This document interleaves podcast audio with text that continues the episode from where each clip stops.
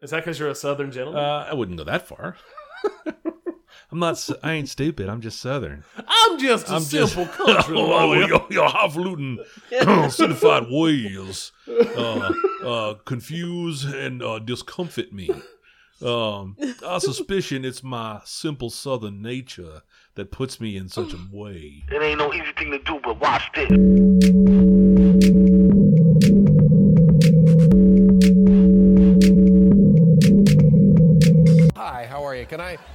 Help you with something? How you doing, man? This is the Safest as Milk podcast, where Adam and I get together twice a month to use bad words to talk about things we like.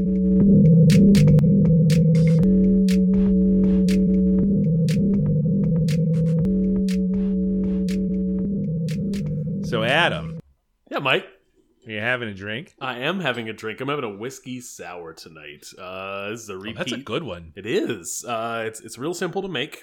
Uh, I'm trying to k- trying to stay at home, not have to buy too many uh, materials for drinks these days. So I have bourbon, I have lemons, I have simple syrup, and I have some bitters, and you just mix all those together, and, and you make a, a delicious treat. Uh, how about yourself? I'm having a Negroni, but I've subbed in that uh, Dolin uh, Blanco vermouth for the sweet vermouth. Yeah, is that So a it kind of tamps it down a little bit, takes the tackiness out of it. is it like a dry sweet like kind of hybrid thing? I can't remember. What's yeah, the that's sort okay. of that's sort of the that's sort of the idea of it. Yeah, yeah, yeah, yeah. yeah. You have a whole bottle. You should drink it. I already drank. good. I already drank it. Like it's been gone. Hell yes, I'll ring the bell on that. and most exciting of all, we have a guest tonight. Yay! It's Ida, who's been on the show before. How are you, Ida? Welcome Hi back. guys. Thank Um, you. I'm assuming you read the the outline and that you have to have a cocktail. Are you having a cocktail? I am. I'm having a woo woo. Um, I chose this uh, because some of the things I'm going to talk about later, but um, it was introduced me introduced to me in the early '90s when I was playing bartender at um, all of the fun gatherings I would go to. So it's a little vodka, a little peach schnapps, uh, and cranberry juice. I like to add uh, lemon juice to mine just to make it a little bit more tart because I don't like very sweet drinks. So Mm. That's what I'm drinking tonight. I like the addition of the acid to cut through all Yep. that sweet because that does sound really like a really sweet drink. Have you ever had a woo woo, Adam? Woo woo! I have not had a woo woo. Oh, have you had a woo woo, it's a Mike? classic. Of course, it's a it's a classic. There's 15 of us at this table. We need a round of shots. A woo woo is absolutely one of those shots. It's like a Mhm. lemon drop or a um. I mean, I guess Jaeger's obviously, but the woo woos is that how you are used to have? Is that how you used to have them, Ida, or would you make them? Or kamikazes were another big shot. hmm Yeah, Oh, I, I wouldn't make them as shots. I would make them as like full blown drinks. I would basically be the one, the bartender at at all the parties. So I would just make big cups of vodka, peach schnapps, cranberry juice. Can't go wrong. It- You're a good, good. friend. I don't know if I don't know if you haven't heard that lately, but I haven't actually. Thank you Well, so we all much. need to hear welcome to the Safe as Milk podcast. Speaking of Adam, do do the part that you do. yeah, uh, so folks should know that we have a Twitter at, at underscore safe as milk and an Instagram at, at safe as milk podcast. And finally, for this show and many more, show notes can be found at safeasmilk.fireside.fm slash 132, 132 episodes. Yikes! Tonight. That seems like a lot. Yeah. Uh, obviously, we waited till we had a guest to have by far the most follow up we've ever had. Just a pound and a Um, half. Tons of it. Uh, I will just go in order. Can I go first, and I'll start punching. I think out? we gotta. Go, I think we gotta go quick. We got a lot here. I'm gonna. It's gonna be quick. It's Get 'em. okay though. Get 'em. Everything's gonna be fine. Get 'em. Uh, Fleabag is a television show that you and I both talked about on this. It is based, as uh, I think we both know and talked about, on a one woman show. Um, uh, Amazon Video, Prime Video. Uh, uh, uh, what's her name? Uh, Phoebe Waller Bridge. Phoebe Waller Bridge. Yes. Uh, uh, put the show online, available for a five dollar rental to raise money for um, something about the COVID. I don't know. Uh, we watched it the other night. You did your part. It was it was quite good. I got, I got my five bucks. It's fine. Um, it was it was quite good. She's obviously a delight. Uh, way darker than the television show. Or did you? I did you see that show? Did you watch No. Fleabag? I haven't seen it. Um, it's a good one. you should watch it. It's good. It's really good. Okay. Um, but uh, boy, the one woman show was dark, and um, I also don't love the format of the one person show. Uh, so that was a hurdle for me to overcome. Um, but that, as so many of these things are, uh, was on me. I don't. Uh, I don't know that I've ever seen a one person show. Come to think of it, yeah, yeah, I, I've seen more than I would uh, care to, frankly. it feels like it's always the punchline for a, a joke, and that's the only way I, I know it. They can be well done. This Yeah. one is very well done. I just I don't love the format. Like it's this is it's a good one. You know, um, if you if you hadn't seen one and you want to see it, this is a great place to start. Okay. uh, we have continued Ken Burnsing. Uh, I didn't uh, the country music, the eight parter, sixteen hour, uh, really just enjoyable time I had with the Ken Burns uh, country music show. Uh, he had done one a few years back on the Roosevelts, uh, Teddy and Franklin and Eleanor. Um, quite long. Uh, another, I think this was like five or six episodes. Same idea, two hours a clip. Um, uh, learned a lot. Uh, fascinating.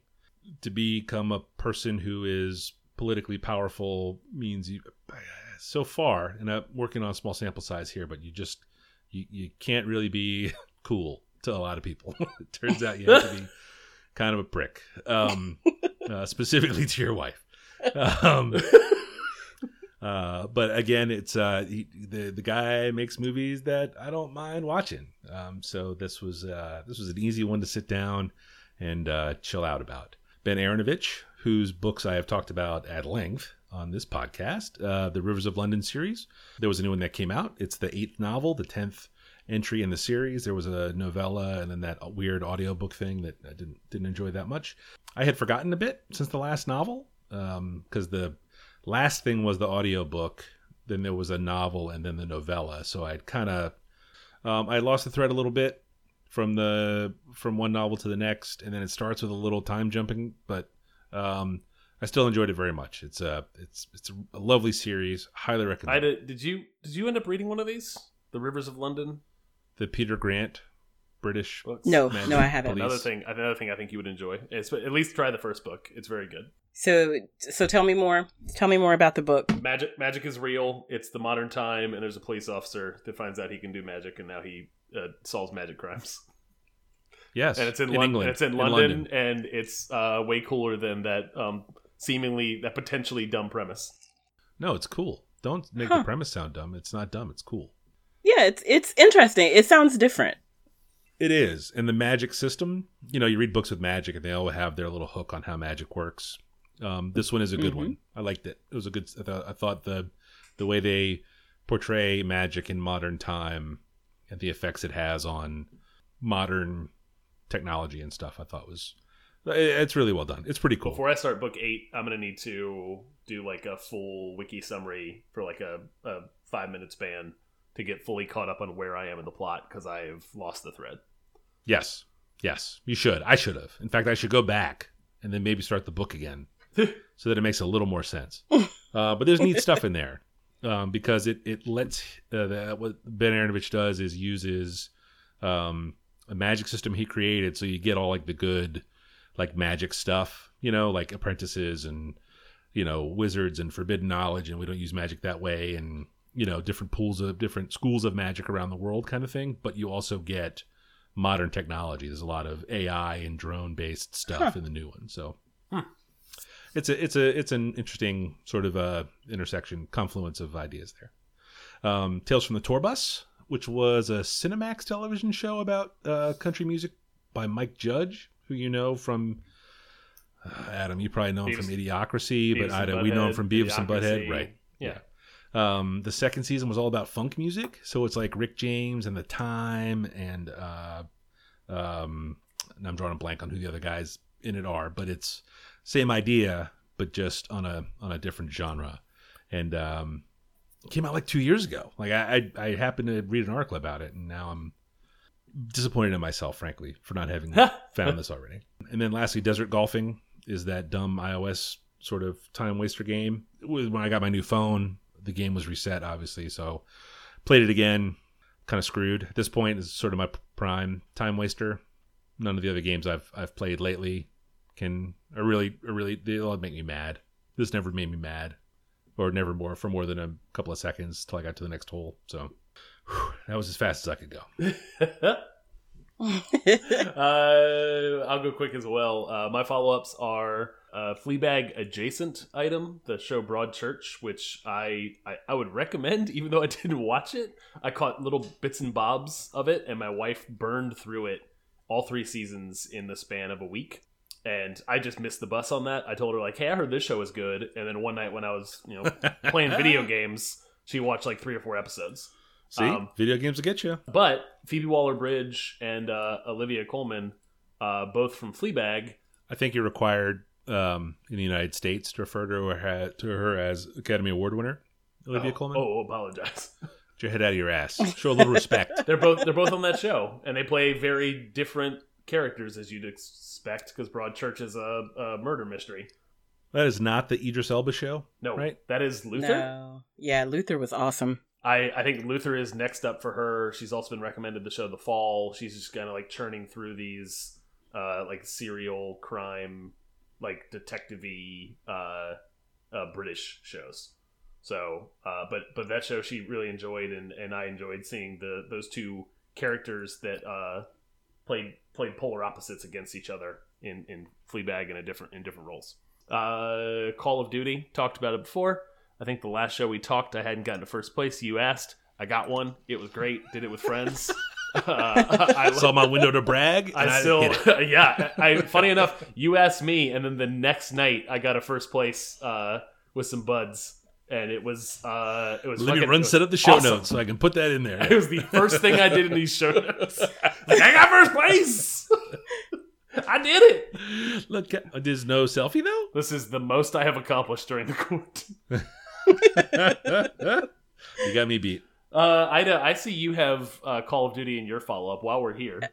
Yeah, well, my follow up is only that I'm so happy to be talking to you guys again, but also um, Call of Duty. So my my husband has also discovered this game. I'm pretty sure he's you know been playing it for years, but maybe I just started paying attention.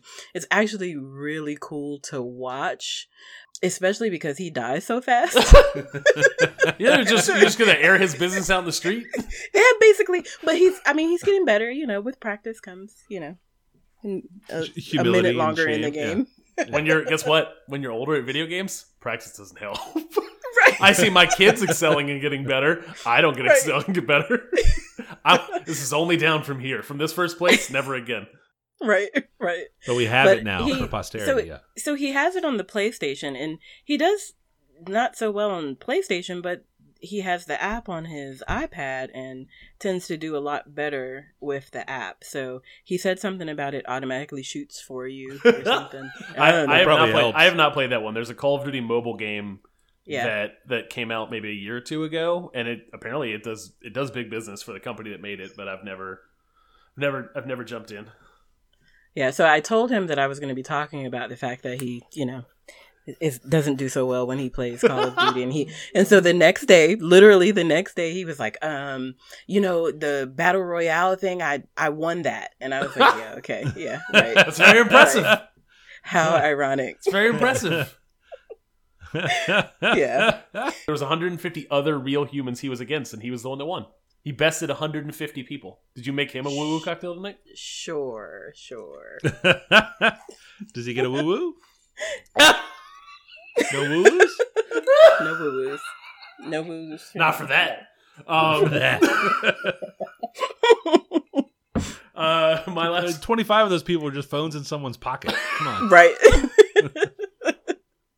Uh, my last follow up is uh, Mike. You mentioned the uh, mu- musician uh, James Taylor on a on a previous podcast. Uh, he was he was a guest on the Questlove podcast, I guess. Let's Um, love supreme. Yeah. Questlove Supreme podcast. Uh, on that episode, I was like, I don't know who that is, and we moved on because I, I think that's still true. My wife my wife came over and like was like, mm, just listen to your podcast. You don't know who that is, and I was like, should I know who that is? She was like, sang the song that we danced to at our wedding, and I was like, oh no. you didn't get a woo woo. No woo for no, there. woo- woo for me. No. Um, That's a whiskey sour. Yeah. right. Right? Right. Yeah. Metaphors. Metaphors. Right? oh, layers on layers Uh-huh, on layers. uh-huh. Uh, uh, so he sang he sang the song uh, "How Sweet It Is," but he did a cover of Marvin You don't Gaye's sound version. apologetic enough. You're gonna have to start No, over. I'm not Yeah. apologetic. 'cause guess what? The Marvin Gaye version is way better, and that's the one I know. Well, but apparently that's it not what we danced to. Did you dance to? You know what I did? Uh-uh. To be fair to me, I brought her in the the office and was like, "Hey, here, put these headphones on." And I was like, "Which one did we dance to?" She was like, "Ooh, uh, ooh." She was like, "I think the James Taylor one." And I was like, "Mm-hmm." See how this can be confusing? Okay, now you're sort of equating James Taylor and Marvin Gaye, which No. is its own second crime. In my notes Like, you- here, will I said the Marvin Gaye version is way better because it yeah, is. But this is my edit. I'm cutting all of that. I'm just going to be you saying James Taylor kind of reminds me of Marvin Gaye. Yeah, or Marvin Gaye. Oh yeah, here sounds like James Taylor. That's what it is. Yeah, Oh, it's the man. Spaceball situation all over again. oh no. Oh, Michelle never saw Star Wars. She only saw Spaceballs. so by the time we were probably dating, and I was like, "Oh, let's watch some Star Wars." She's like, "This is just like Spaceballs," and I was like, Did she really? That's Yeah. so good. "Yeah, yeah." She's not Yeah. wrong. Yeah, it's okay. Marvin Gaye is your Spaceballs. No, James Taylor is your Spaceballs. Mm, James Taylor is your Spaceballs. Yes, I Yeah, think that's I right. think that works. I think I get that. Yes, that's Yeah, right. Yeah, yeah. I, it's so great to have you back. It is indeed. And the guest Oh, goes first when we talk about the topics. What is your first topic, guys?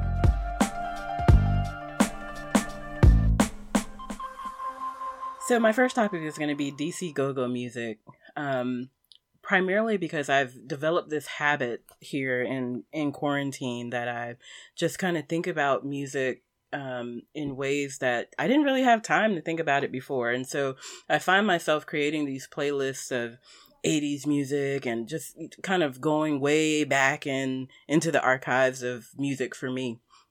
Um, and so I I went through this kind of midnight downward spiral of 90s music. I think it started with dance music and somehow I ended up on go-go music and it was it was so uh, refreshing to me because I moved to Virginia um, right around the time where the I guess the peak of go-go music was kind of I don't know, some people might argue that, you know, if they're real go-go music fans, they might argue that um it's it's still at its peak but um for A lot me of it people was argue about music. Yeah, right right I think those people. would So- be, I think those people would be wrong in 2020 that it's still at its peak.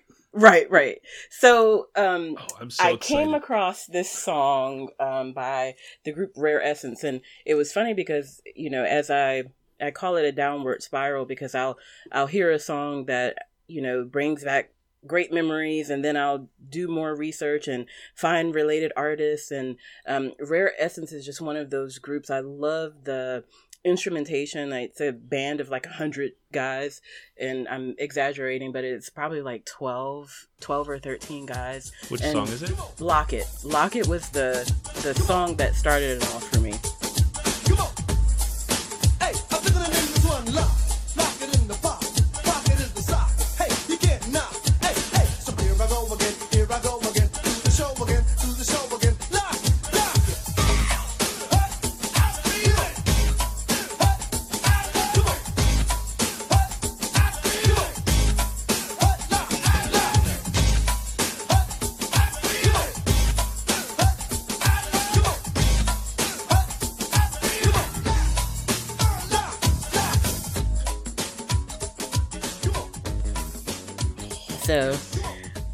do you know this song, Mike?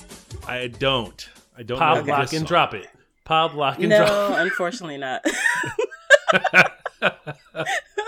That's I not saw it. this. Okay. I saw this in your list, and I got so excited because I was there in the '90s when go-go music kind of popped, Uh huh. and um, uh, I would say it was a it was an upward spiral. I would not say it was a Mhm. downward spiral, unless you were doing like heroin or something. Like No, well, so I say I say downward because I discovered go-go music late. So I moved to Virginia in 90, 95. yes, And so go-go music, like probably early 90s, actually late 80s, early 90s is when um, I feel like the songs that I were I was introduced to um, were really popular. And so I didn't discover them until 96, 97. yeah, Um, and so they were already old by then, you know. yes, same, Um, same here. Yeah, No. yeah. So, so I just love, um, you know, and so in my research, I found they recently did, and recently is probably not the best word to use, but they did a Tiny Desk concert with um,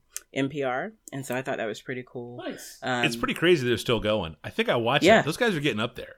They yes, they are, Yes. and they they have at least like they have about fifteen or sixteen live albums that they Yes. released. I've learned all kind of information about them. So oh, really? um, I would say check out um, Rare Essence. Uh, they're they're the ones that stand out to me. I I, I like them the most. Um, Chuck Brown is um, w- one of the artists that he was popular before them or kind of helped bring them along. Um, so I really didn't get into Chuck Brown, but Rare Essence was the group that, or the band, I guess you could call them, that Yeah. I was um, most familiar with and kind of has me around the house dancing. And my daughter's like, ooh, mommy, please stop. yes, I know the children they have no appreciation for it. You know, we were talking they about really this don't. around the table tonight. Actually, have you listened to the Almighty Senators? Nope. That is a band that I got to see actually in the '90s. Uh, it was because of the butt. So that was the song that EU Mhm. song, Mhm. um, Experience Unlimited or something. I think is that what EU stands for? Yes. Yes. Yeah, Um, I looked up all that today. Yes. See, so it's good. To, it's good to learn, Adam. it is. Um, so that was a that was a massive radio song. Um, so Yep. you know, bands could. This is a super local DC thing, uh-huh. and then in the '90s, um, like you were saying, it kind of got around. Uh-huh. So it showed Yep. up here um, a little bit, and it was just at like it wasn't at Twisters. It was at Alleycats, one of the one of the old '90s era Richmond clubs. You know, it was crazy, but there were like 20 people on stage, like you said, these Mhm. giant bands. So it got me thinking about other examples of weird, not weird, but like super regional music because go-go music is still going. Like it was definitely happening way before I heard of it, and it obviously keeps going. Like it's still it's the official music of Washington D.C. apparently now. Uh-huh. So it showed up in the news again. Um, and the examples that we came up with, I brought this up at, at family dinner, so I was obviously ridiculed aggressively.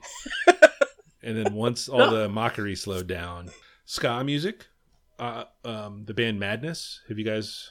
You familiar Nope. with Madness? I One know. step beyond. I know. It's a- I know ska music. I don't know madness. Right. So ska madness was like an early '80s ska. Ska has like popped a couple of different times. Um, Huh. That whole Southern California, Orange County, all the punk rock kids once they got a little better at their instruments, they decided to play ska music. So they all have some of that. Um, Are you saying ska like S K A? Yes. Yeah. Yeah. Okay. surf music, um, just like that uh, that crazy guitar, like uh, Misirlou, the Dick Dale song, is the example of that. The opening credits of Pulp Fiction. Mm-hmm. Is that ringing a bell? That Yeah. kind of had a real Yep. big moment then in the 90s, but had been obviously from the 60s, and people still play it. Like those guys, I mean, not Dick Dale. He's, he's I think, been dead for a little while. Oh, Um, R.I.P. Uh, obviously, R.I.P. Um, dance maybe- hall Maybe he was music was the Dance hall. Yes. was a sort of a style, but I had a hard time. Uh, the the closest thing to the the big hit that people would know was that Ini Kamoze song, um, the Hot Stepper. hot stepper. Yeah. So, um, if you remember Patra I do. Um, I loved and Patrick. Are you Shabba? Ranks? That is the best. Shabba Ranks was another. I do remember think- Shabba Ranks. Yeah, yes. I think you could consider him Yes. dance hall. Oh yeah. Um, oh, Patrick. I come can't think of anybody else right now, but yeah, great, Oh my great goodness. music. Yes. Yeah. Oof. Um. nice research, Mike. Uh. I thank you. You know when we You're doing research. guest- This is all in your head. I no no no. I actually have a piece of paper in my hand. Did you bring that piece of notes paper to dinner? I did. Okay, had- that's I why. had one of the That's why you got ridiculed. I was waiting for why you got ridiculed. It wasn't just because you were like, "Hey guys, let's let's talk about a thing." You're like, Hey, "I give did some research pen. with a piece of Give me a pen paper." and some paper. Let's, Uh, let's talk about this. Uh, honey, bring Daddy Um, his well, reading 'cause glasses. We were talking about it, and then I come up with a even better one. Like the ska one, I nailed, and the surf music is really good. But there was another one. I was like, oh shit, I gotta write these down. I'll forget. And then in the time from saying that to getting the pen, I lost one of them. Um, the, but the dance hall one was good. And then Uh-huh. um, I don't, I don't uh, generally recreationally listen to go-go music Uh-huh. um, just like the studio songs. The the live albums are a little intriguing because I think it's a, a music best appreciated live. Yeah. Um, because it kind of reminds me of Zydeco music, um, which was another example of my sort of weirdly super regional style of music that I, I couldn't think though of a Zydeco song or act that sort of kind of blew up for me where where I would have seen it. Is this like New Orleans, like Louisiana? Yeah. Did yeah. Zydeco have a moment Yeah. where there would Did be Z- an act? I don't know. It's I feel like it's always there though. Like like uh, uh, Fat Tuesday, obviously, all your Mardi Gras bits. There's always there's always new Zydeco music, um, just like there's always new blues music, right? But I couldn't think of a an example. Uh, but Zydeco music also uh, in a live setting, I can enjoy it, but to to try to listen to it uh, recreationally is not for me. Right. But man, that's a really good pick. That's a good one. I like that. Solid. Well, thank you. Now, have you found uh other spurs off of that that are not go-go music where like you are you are you listening to like Spotify are you like So I'm doing this on um, Apple Tunes, and um, I guess when I, you know, when this happens to me, so my more recent one because the um, go-go music happened like a week or two ago, um, and just last night I I went down this spiral of '80s music. Oh. so um, I'm here. So 80s music Adam- is- Adam is wasn't v- alive. extremely broad, right? It, it's yes. Like um, it- like- so I'll I'll give you an example of some of the artists that I added to my playlist. So, um, Daryl Hall and John Oates, Obvi. um, Whitney Houston. I like of to use their first names. Yeah. Hall well, in case Oates. so that when you're googling later, Adam, you don't get the wrong Hall and Oates. Uh, Whitney, uh, I, list, I added some Whitney Marie Houston to my. Whitney. So so and like Lisa Lisa and the Cult Jam, Full Force. Yep. Um, so uh, you know, I'm I'm big on R and B, Yes, so yes, I always kind of lean in that direction. But I bought in a little pop there. I bought some Madonna in, some Janet Jackson. Okay. um uh Teddy Pendergrass, like just yeah. So that was actually Teddy at is the dinner woo to woo man, isn't he? Yes, Wasn't he that is. the joke? Yes, yes, yes. that worked out really well. That's great. Full circle. full circle. Um so yeah, at actually at dinner tonight, well after after dinner, um, my husband and I were sitting at the table um and introducing my my daughter uh to some of the 80s songs and she she Oh. liked some of them and Yeah. some of them she was like really what is this Yeah. People like this. People danced Yeah. to this. Yes. Right Yeah. Now the the uh, debut was um uh, once you get over giggling about them just saying the butt, you got to Right. the butt over and over again. Um, just the little the little syncopated cowbell. It's nice. Uh-huh. It's nice. Yep. I mean, it's it's easy to move to. You know, you just have to you, you jump on the ones and then it's great. Yeah. play it. You play it at the end of every Christmas party. every company Christmas party. It's 11.30, 11.45. All the old people have Right. gone home. Yes. Everyone's a little too drunk are and on the dance floor. just Yeah. enough. Yeah. Yeah. They're like, all all right, the ladies got the, all the ladies got their shoes off. Oh shit! Is that EU? and they rush the floor. I know. Been there, pal. And speaking of there. speaking of Zydeco, there's actually an artist um, named Queen Ida. I don't know who that is. Um, Did you just look this up now? a- Is this your alter ego? I did. Okay, you No. can't this. You I- can't- I- I it's just actually looked her up. me. This is my SoundCloud. This I is my just saw third this. pick. Queen Ida. I like that.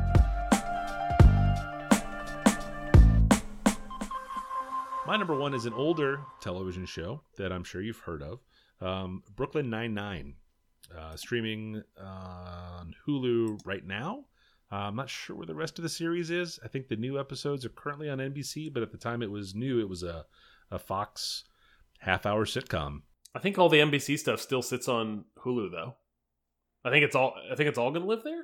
I, well, I think this was an NBC Productions television show that the network didn't pick up, but then Fox picked up. I gotcha. and then it spent a weird like after it doesn't matter um, we started at the beginning so the 2013-2014 television season i know that we watched some of it was new because we were big andy samberg fans from his time on saturday night live and um, we like joe lo truglio was there he was on the state in the 90s um, uh, terry tate not terry tate um, oh god what's his name Terry Crews.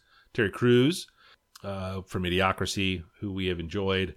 Um, Chelsea Peretti was a comic at the time. You know, there's there are good people on it. Um, Andre Braugher, who uh, was is always serious in everything he does. So to see him on a sitcom was was kind of odd. Uh, but Andy Samberg was the draw for us. Um, you know, this is just like another television show full of people that we know and love. Um, it's it's uh, impossibly charming, uh, like the other shows in the Fremulon production company world. Um, Parks and Rec um, and The Good Place are the most notable examples. of shows from this production company that we enjoy. Um, so it was sort of a layup for us. Like it, it wasn't going to be bad, and we weren't going to not like it. We might just get kind of over it because sit, sitcoms on the network are twenty plus episodes. They're forever. Yeah, a It's- season a season just goes. it just keeps going and this is that like like the season finale was uh, episode 21 of the first season like outrageous like so much television um great bits the whole cast is really good terrific callbacks right from the first season they set a um this is going to be the bit for the Halloween episodes. This is going to be the bit for the we're gonna we're gonna do something for Thanksgiving episodes. Christmas is going to have this kind of weirdness, and we'll put like sort of mini arcs into each season. You know, this is for the um, you hear a lot about kids that have watched all of Friends several times through, or all of The Office several times through. This, those were both shows that we kind of watched when they were new, so there wasn't a lot of reason to do it again. Um, but this show for us has been a nice way to just sit and laugh with my wife while we try to um, Cope. work our way through the uh, end of end of time. Yeah, I tried to watch this show because of Andy Samberg. I, li- I like him. I liked him in other stuff. I like a lot of the Lonely Island stuff. I think it's fun and creative. I, I tried to start the show when it first came out, and I, I bailed on it three or four episodes in, and never, never went back. And then I see it pop up here and there with things just like this, where people watch it all and recommend it. Um, but I have not gone back to it. I was going to say the same thing. I can remember watching maybe two episodes and just never went back to it. yeah, yeah. Same. I mean, that's exactly what we did. Um, but knowing that there are, oh god, I think there's like a seventh episode, seventh season. There are seven seasons, and that is the one they are in now. How far are you guys in? Uh, we are maybe five or six episodes into the second season. Like we have a lot of television ahead of us. Yeah. And you know, in half hours, you know, a network half hour is really twenty what four minutes of of television. So you can just like I, I sat and watched one after all of the go go music brainstorming at dinner. Between that and then loading the dishwasher and then making my cocktail um, for the podcast, you know, you can just you can just bang them out. Like Sure. it's it's it's it's like a nice once you once you learn all the people and you and you sort of fall into the pattern of the jokes, which is the same thing that happens with Friends or The Office, it's just a nice place to sit and listen to people talk for whatever. uh, two things. One, this is a show where very recently I saw a clip from on a on a tweet on tweet um, from the show and was like, "Oh, that was really funny. I should go try to watch that show again." And then realized it was on Hulu, and then followed that by realizing that I don't cancel subscription services that are less than fifteen dollars. Right? Uh, I just keep them. It's a problem. I need to go up and clean all that shit up. Uh, I Playboy's are gonna be pissed. fate would have it. I I weathered the storm when they got rid of the nudity, and I wrote it out and came back. um, Quote unquote wrote it out. I get it. I see what you're doing. Metaphors, dog. Metaphors. it's dry time in the house. Uh, uh, Outside kids. Hulu. Let's do his homework. I was God, the my face hurts. the the god the god the gods intervened uh, with Hulu, and our credit card got stolen. Oh no, that's right. Uh, and we lost our Hulu subscription because the credit card was attached, and we hadn't watched it in a year. And I was like, "Well, that solved that." So we have not had Hulu since, and I am uh, just for Brooklyn Nine Nine. I am like begrudgingly not going to go back to Hulu just for that No, show. nor should you. Yeah. Nor should you. I mean, you're not a super Handmaid's Tale guy. We watched we watched all of that. That's the only reason we had Hulu. Ugh. Yeesh. And and that's and then Brooklyn Nine Nine was like a that's kind of I think that's how I might have watched the first handful of episodes like whenever they were like you know sending them two weeks later or whatever after they were live. In any case, uh, uh, this show seems interesting. If it's if it's locked behind the Hulu wall, I probably won't engage with it. Now, I would share my login with you, but I'm a grown up with a job, as are you. So you can spend the seven. I only dollars. I only share my logins with my father. no share. Good God, do you really? Well, he he mostly dips into the stuff that we pay for, not, not the other way around. yeah. Yeah. yeah, I am the parent now. I look at me. Look who's the adult now, father. Look at me. I am. I am. I am the father.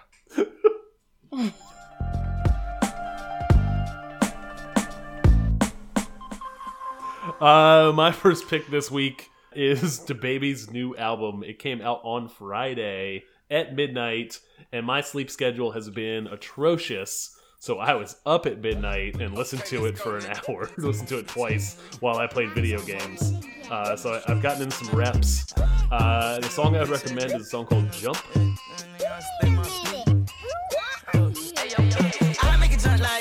Like in the 80s. Baby, these bitch ass niggas ain't crazy. Broke ass ass scap go straight to my baby. Yeah, I make my bitch talk to me when we fuck. Talk back. Big rocks on my wrist, I'm bust. Big Glock on my hip, I'm clutch. Let's go. Get lost on the bitch, ain't nuts. She say I look good, bitch, I been doing push ups. Play with baby and top nigga, good luck. My little daughter too, but got six figures put up. Knock his head off his neck before he look up. Ten toes in their chest for a check, bitch, I stood what up. What that mean? I stood up on their neck for a check. Uh-huh. Now my head get them stressed, I'm a vet. I get 300k for a show, bitch, I'm blessed. Let's go. Them hoes get down, I spread, I don't got no handles. We be pulling up back to back, play, we gon' handle it. working with Thor and Montana. Go to Brooklyn, We didn't say the name of the album. Oh, sorry, "Blame It on Baby" is the name of the album. Um, the song I'd recommend. Didn't want people to listen to the wrong to Baby album. No, no, no, no, no. There's three of them. It seems like a Uh, lot. Yeah. Uh, so he's done three studio albums in 13 months. Um, this one, I think, has the most features that he has had. Uh, it's probably the shortest run time too. It's about 33 minutes. Uh, while it's very early in the listening, I'm I'm I'm spinning it when I'm you know w- w- tapping out some emails. I can just play music in my office now without headphones. Um, now that I'm working from home, uh, so I'm listening to it a fair amount. Probably the weakest of the three entries that he has put out so far. Um, the first album was uh, Man, I hope he doesn't hear this. It's gonna be a real it. problem. oh, it's a problem for me if he is. I know. he seems like a scary dude. He maybe. I mean, I don't know. His Hot Ones, the live Hot Ones thing was charming. He's he's, he's killed a man. Is he really though? A hundred percent. Oh, I don't want to. I don't want to listen to that. Okay. I don't want to hear the killing man. Yeah. It was before he blew up. Like he was in a Walmart and people knew who he was and they ran up on him and uh, tried to take his stuff. Oh, And he told him no, and he said, "Let's let's take it outside." And one of the guys pulled a gun and he killed the dude. Oh, wow. he was with his his baby's mo- baby mama and his two year old. is that when he came up with his name? No, he was his name. The he was, baby was he the was witness? named he was named Baby Jesus, and his mom didn't like that, That's so he fair. changed it to Baby. That's fair. But is it really the baby Jesus? Because I find that uh, amazing. That's his No. full, that's his Christian name. That's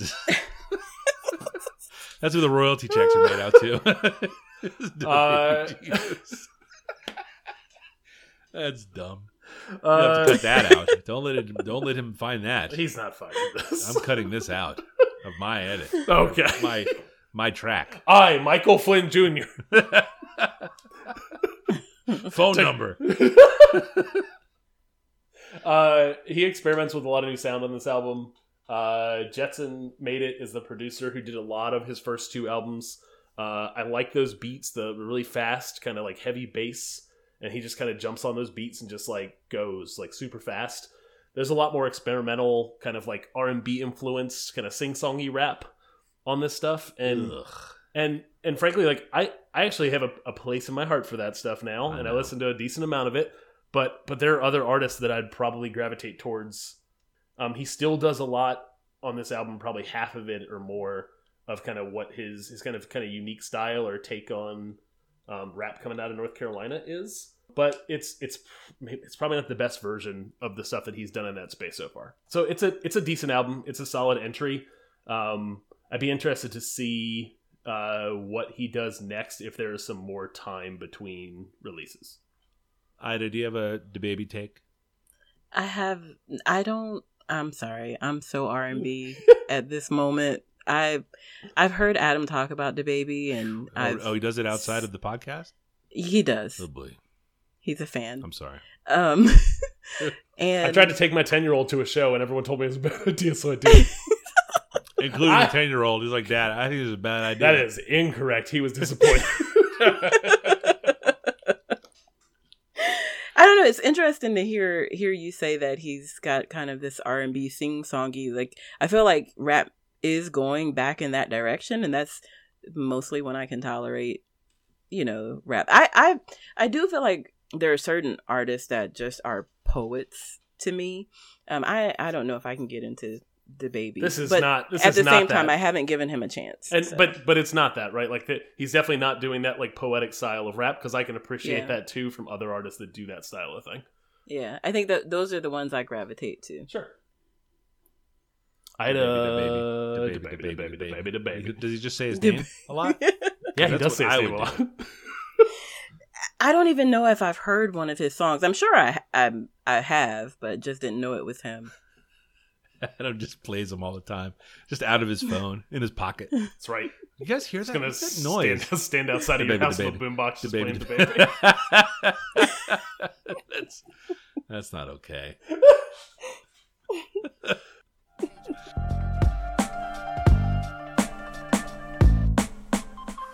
So you guys know I'm a big reader. So I'm a Nerd. fan of books. I know. Oh, look at me! It's just me I here reading a know. book. nice books. I know it's it's a thing. It's a thing for me. But I'm gonna stand. I'm gonna stand in and I'm proud of myself. Um, it's a thing for me. So, um, I read a book called The Water Dancer by Ta-Nehisi Coates, um, who you know has had a, a an illustrious career. I actually um, read a book his um, between you, me, and the world, and that's probably not the right I don't title. think that's Uh, between the world and Yeah. me.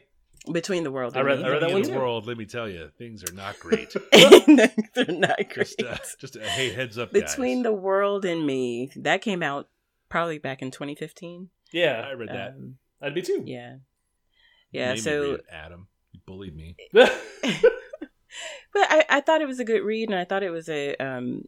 It, it, anyway, I'm not here to talk about that book. I'm here to talk about his his fiction uh, entry. So that came out last late last year, um, and it's been on my list for a while. And I finally read it, and um, I am even more a fan of this guy. Um, and so I'll be honest, I didn't know much about him. I knew he was um, a writer or had worked for some news publications and is just a, a social activist in um, some of the topics that he uh, was previously known to um, talk about, bring up. I, th- I guess he wrote for The Atlantic. Um, and then, you know, being introduced to his between the world and me book and then sh- being able to share that with my teenage son um, and my husband um, was was interesting. And then to experience his fiction writing I, I tell you i just really love the way that this man puts words together. Um, so for me it felt like the first time i read toni morrison or the first time i read james baldwin. Um, so i'm definitely a big fan of him. Uh, the book itself is um, historical fiction i guess is the genre or speculative fiction. But uh, there's some fantasy and, and quest um, style in there These are things I like. Hang on. Yeah. Hang on. so so it, it's really interesting because i find myself um really this historical fiction so he writes about um a man named Hiram Walker who was born into slavery. His father, Hiram's father, was um, the slave owner. Um, his mother was sold by his father down south. I guess this this took place in Virginia, um, and so this young man grew up on the plantation that was owned by his father as a slave. And it tells the story of this kind of mythical, eh, I guess, magic power that his bloodline has in that they can do something called conduction or water conduction, which is basically um, the there's a really eloquent moment in the book that he talked about kind of the history of how this power came about. And it was you know when the slaves were coming over on the slave ships they weren't jumping into the water in in despair and desperation to get away. They were actually conducting themselves back home. Um, and so apparently this power kind of traveled through and um, this young man's family Oh, was crazy. um, yeah it, it it's a good book. So the the um the story you know takes place on this plantation. Um hiram uh is because he is the f- son of the slave owner um kind of is able to move into the house and work within the house. As he's working there he's able to connect with the man who ends up teaching him how to read and write.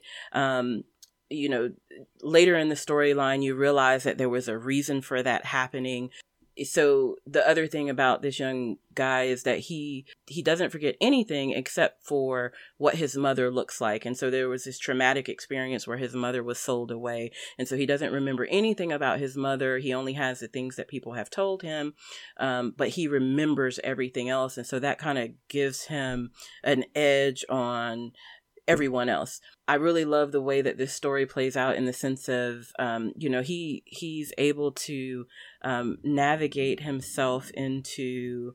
I w- I don't want to give the book away, but into these circumstances that um, allow him to create create a, a, a good path for himself, come back and help help others um and it's just it's a love story it's um a, a kind of that fantasy um, with the conduction. There's the storyline around the conduction is that you know he ends up meeting up with Harriet Tubman along the way, and so it was. I had to quit spoiling the book. but no, I mean that's that's in the write up star, for the book. Harriet so Tubman. yeah, that no, but that's in the write up for the book. So it's She's got a you know feature. there's a lot of stuff going on, um, and so I think it I think it's a it's a good read.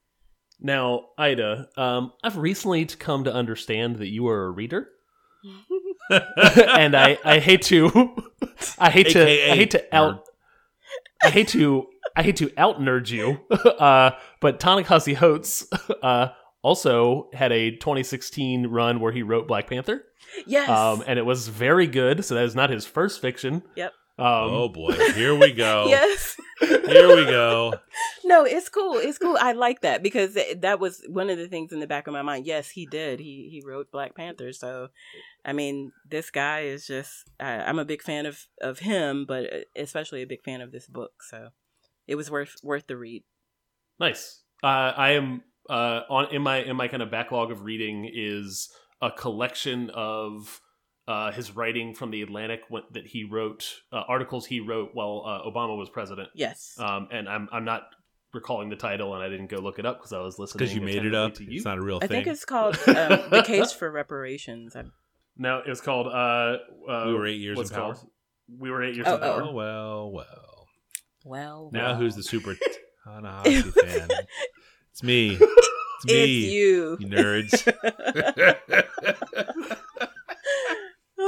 There's so many Ah. books. Um, when you read a book, do you use your eyes or your ears? Uh, both. Um, this one I uh use my ears. Does he read the books? The audio No, books? no, no, he doesn't. But um, I forget the the man who who read it, but it was it was very good. It was like I was listening to a movie while doing other things, like you know, like the TV was on in the background or Yeah. something. So, Huh. um, but yeah, it was good. That's very good. Nice.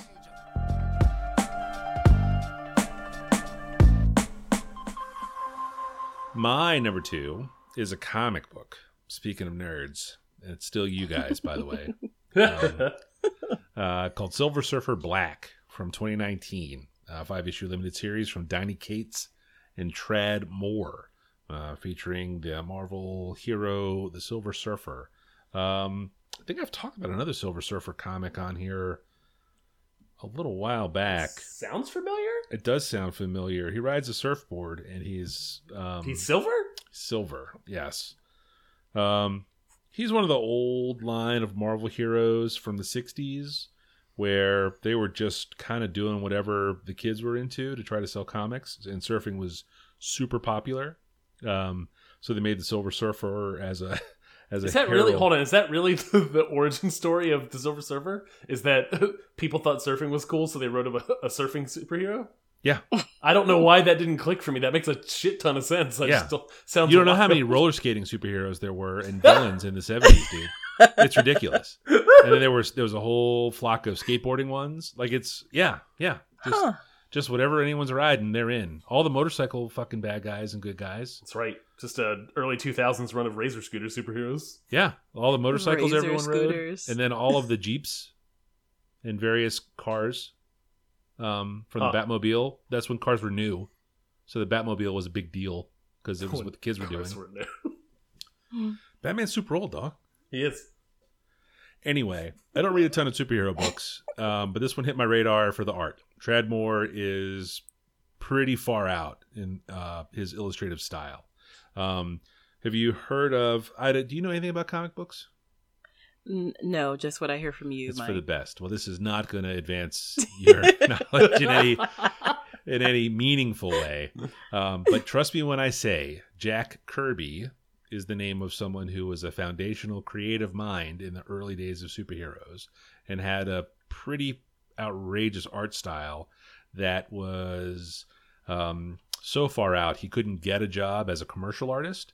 So he had to take money to draw comics. Um, he had fun ideas with Stan Lee, and they came up with lots of fun superheroes. Um, his art style has come into and out of fashion several times from the 60s to today, um, but lots of bold lines, lots of wild color combinations were sort of his trademark through time. Um, Brian Blomerth, who I have definitely talked about on this podcast, as the author and artist of that Bicycle Day graphic novel about the discovery of LSD. Wild looking. Wild looking.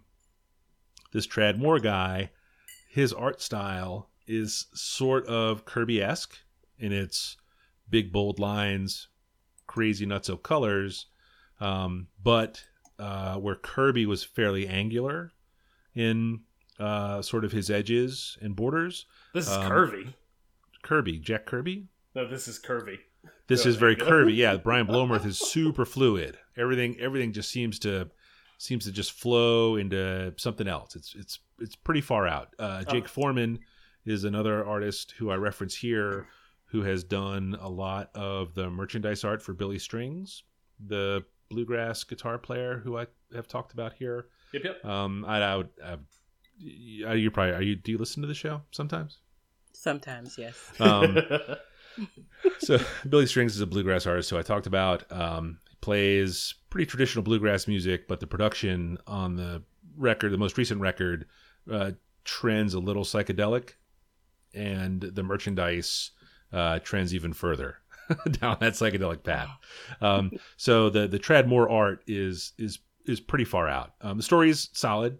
Um, the Silver Surfer is tricky because he lives in sort of the cosmic part of the Marvel universe.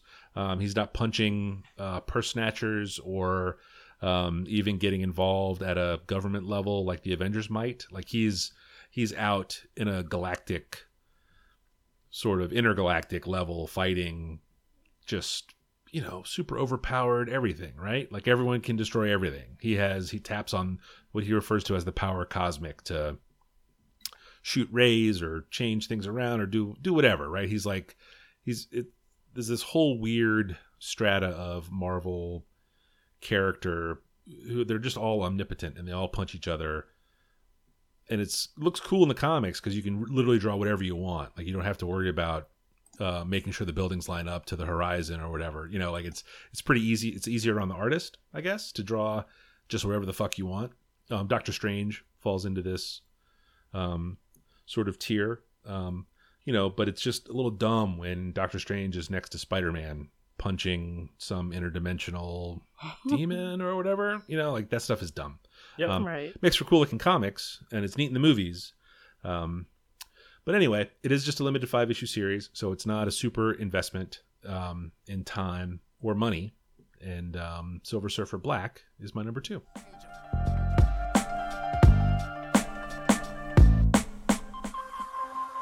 Uh, my final pick is a documentary. it's Uh, not the baby again? It's not. Uh, oh. Oh okay then. All right look at the notes. Oh look at that. All right go ahead this is rude. Feel attacked. good thing is you'll edit Uh, my final pick is a documentary series, a documentary, not a series, but a documentary film uh, called "When We Were Kings," uh, and it follows the 1974 fight between George Foreman, who was the champion at the time, uh, and an aging uh, Muhammad Ali, uh, where Muhammad Ali was the underdog, uh, and and Foreman was considered the favorite um, for his kind of speed and power uh, that he possessed, and everybody kind of thought Ali was washed up. okay can i just george foreman should have been the favorite he should have He was. No, no, very much so. No, no, no, That, but he that's, was that's the that is legitimately the scary of- man That is Like- the theme of the documentary. even I know that. Uh, No one's know arguing George Foreman from the grill, right? yes. like that's you know, like I knew he was a boxer, but whatever. Um, yes, but he was a legitimately scary fighter. Very much so. He is Yeah. depicted. He is depicted as such in this uh, documentary. He is, yes, yes, yes. There was a there was a scene where they show uh, his kind of training in front of the press, and he's just beating up on a heavy bag for an hour, and then he walks away, and it has like a it is described in the movie as like half a watermelon sized dent just in this heavy bag that just doesn't go away, like it just stays. And Yeah. his his trainer is this little this this he's not a small guy because George Foreman's just big, but he looks so little big. Yeah. and he's and this Yeah. trainer's holding the heavy bag, and George Foreman's hitting the heavy bag, and the trainer's like flying up in the air. Yeah. like he's like getting off his feet as Yeah. he's punching it. Like he just seemed like a big, scary young dude who was just gonna reign forever. And and this this film follows essentially the lead up to the fight with Muhammad Ali, uh, wherein n- no spoiler because I had seen highlights of this fight. Muhammad Ali uh, wins. He he uh, lets George Foreman uh, punch himself out and then Muhammad Ali turns it on. I think in the eighth round, and uh, t- technically knocks out uh, Foreman. Have you seen this movie, Ida? It's been a long time. Are you- you're familiar though with the, with Yes, the fight and yes, the Ali I'm bomaye and the George Foreman brought the German Shepherd around? Like, there's lots Yes. of good, lots of good bits in this movie. It's Very really much good. so. This Yeah. is a this is a 1996 documentary film. I had never seen it before. I knew that it existed. Um, I was recently, recently as yesterday, uh, listening to a reaction podcast to uh, Oh the last, the last my Dance. god! You're a What? zoomer. Reaction podcast is one step away from reaction videos. Holy Christ, Mike! Can you let me talk? No, I cannot. I will not let this stand. Here, you go get a drink, and I don't know. All right, get right back. All right. Yeah, I'm getting a drink. Michael Jordan, Michael Jordan's The Last Dance uh, documentary series came out on Sunday. Ida, are you familiar? No. Okay, so your your husband, who I know is a sneakerhead, probably Uh-huh. likes Jordan. Yes, he does. There is a Michael Jordan's uh, Last Dance podcast, which uh, Last Dance uh, documentary series is the first two episodes aired on Sunday. I listened to a sports podcast. They talked about uh, kind of memories from the what had happened in that, and then they kind of went through uh, kind of like the goat list of document of sports documentaries.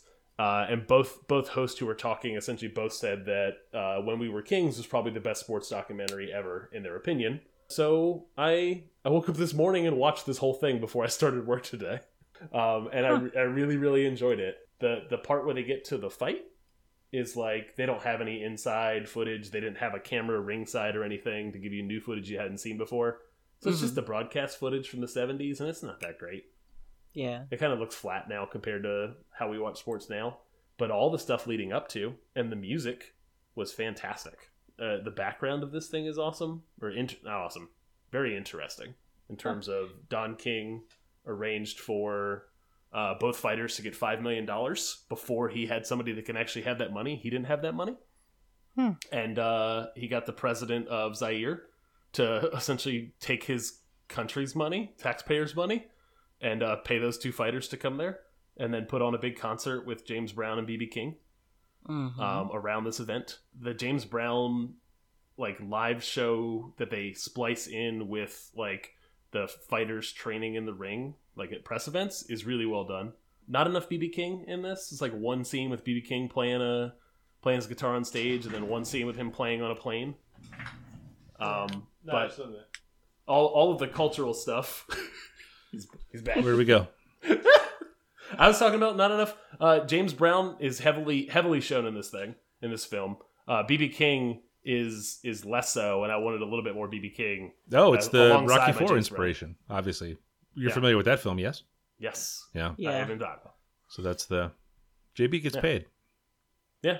So yeah, this this this movie was really interesting. It was interesting to watch. Uh, after watching a lot of Thirty for Thirty on E ESPN for many many years now, um, it was interesting to see a documentary from the mid '90s that just has like a lot of the kind of tropes of documentaries are just missing from it. Like other, this thing essentially established a lot of new new patterns for sports documentaries, but that other other ones aped and followed and modified. Um, but it's missing some things uh, that I kind of have come, become accustomed to, but still a very enjoyable watch. Ugh. And So, I wonder- Kings. what like? What does that mean? Like, what is it you're missing? Is it just like I was the- I was talking about specifically. You you missed this part, Mike. Uh, but the actual fight fight it's uh it's just the broadcast from the 70s. Like it's this huge build up, this huge interesting I like, didn't miss it. I was here the whole time. cultural come to a head, and then really, the, the actual fight. The No, no, actual no, I fight is just part. like, eh, cool, all right. No. What was that? That's well, you asked what was missing. I think that's what I thought missing. you meant like, the part where the like everyone is just old and fat now, and they just talk about like how well they remembered it, but really they have like they just watched the scene you just saw, so they're just talking about it, like all those I love the '80s shows on CNN and stuff, where they just have people that are willing to talk about it for the paycheck and just sit there. Like I'm, I'm very dubious of a lot of those Pistons that sit around and talk about all the bad boys stuff. Oh, you're talking about with the new stuff. Yeah, yeah, yeah. Yeah, Okay, yeah, yeah, yeah. Just the modern day. That that's sort of the documentary trope that I that I was thinking of, but I didn't I didn't know what you meant. So I think it's it's different for for for things that I lived through from a sports perspective that I watch. I kind of have that mm, like squint at a little bit, take it with a grain of salt. For things that I didn't live through or didn't remember, it was too young for, like the the Christian Laettner uh, thirty for thirty. Good. Um, I see you have that reaction. I was too young to have that reaction or care. So I watched that thing and I was like, "Oh, it's a really good documentary." Cost me but a lot I'm- of money. Fuck that I'm guy. I do hate Christian Laettner. That's that's like the best titled documentary yes, far. Yeah, yeah. I only watched it the once just so I could stay angry the whole time. I watched the Bo Jackson one as many times as I can see it though. yeah, I love it. Seen that one too. I Very love good. it. I love I love Christian Laettner, by the way. Oh, I, I thought we were gonna be friends. This is I'm not gonna let you do it. I can't. I can't let you do it. That was a a most memorable moment in my life. literally the worst thing you could have said to me. This is nope, I'm sorry, heartbroken. Can't, I can't let you have it. Oh no. Oh no. No, I'm just gonna sit on the sideline because I think I was in like third or fourth grade when Christian Laettner was doing his thing. I mean, I can see how it how how you might feel that way. and it clearly was devastating for people who weren't huge fans of Duke at the time. But Ugh. sorry, No. No. yeah, Ugh. yeah, sorry. Ugh. I mean, the, the character wise, like I, I know nothing about the man, but um, same. I I only know his I- game, and I think he's. I, think I he vividly remember watching that game and him making that shot and I I hollered like my my arms were in the air like his where my mom came into my room like what is wrong? I know exactly what you're talking about. I know exactly how your arms were. yes. Ugh. So I- I can't let you have that. that's okay. That's all right. That's that's the beauty of sports. Um, yes. I mean that Go people can be on the wrong side of it, and that's fine. Go We can still follow like them. Christian Laettner with our Instagram account. See, oh, you don't think I don't notice you do that shit? I'm going back and unfollow that guy. How long? How long did it take to you notice till I fo- that I followed Reggie Miller? About two minutes. I was like, what the fuck is all this Reggie Miller shit? I was like, oh, I'm on the wrong account. Why is the podcast following Reggie Miller? Reggie Miller, stay away from my wife. Isn't that what the guy put the Skywriter? Oh yeah. oh. Oh, let's let's bring this thing to close. Oh, it's closed.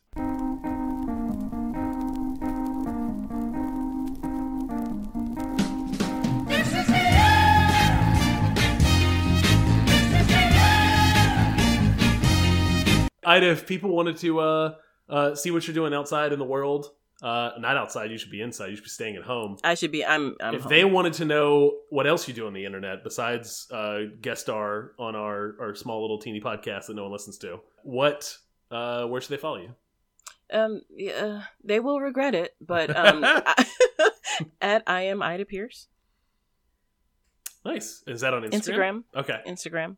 Um, on Twitter, um, I'm Pi seventy seven, but I don't. I'm not really active. So, like I said, you'll be bored. So, don't waste your time. Like after the famed uh, performance artist, I am the architect. I am Pi. I'm Pi. I'm Pi. I am Pei. I'm MP. Pi. Seventy seven. Let's do it. Let's go. Dum dum dum. I don't know. It just felt right to say that. Boom, boom. I'm into it. Let's do it uh, Mike, where should uh, folks follow you? Oh, I'm not on the internet anymore. No, nope, this this, uh, this, coronavirus has got me out. I used to be My at Falfa, F A L F A, on the gram, the tweets, and the dot coms. Um, but uh, no, no, it's all gone now. What about you? Uh, 180 lunches on Instagram and dot com. Oh. Ida, thank you so much for guesting on our uh, our show. Happy to be here. Oh, we're happy to have you. Happy That's to great. have you. Round two. Round two. We'll have to have you back for another but after a while, I got to read some more books.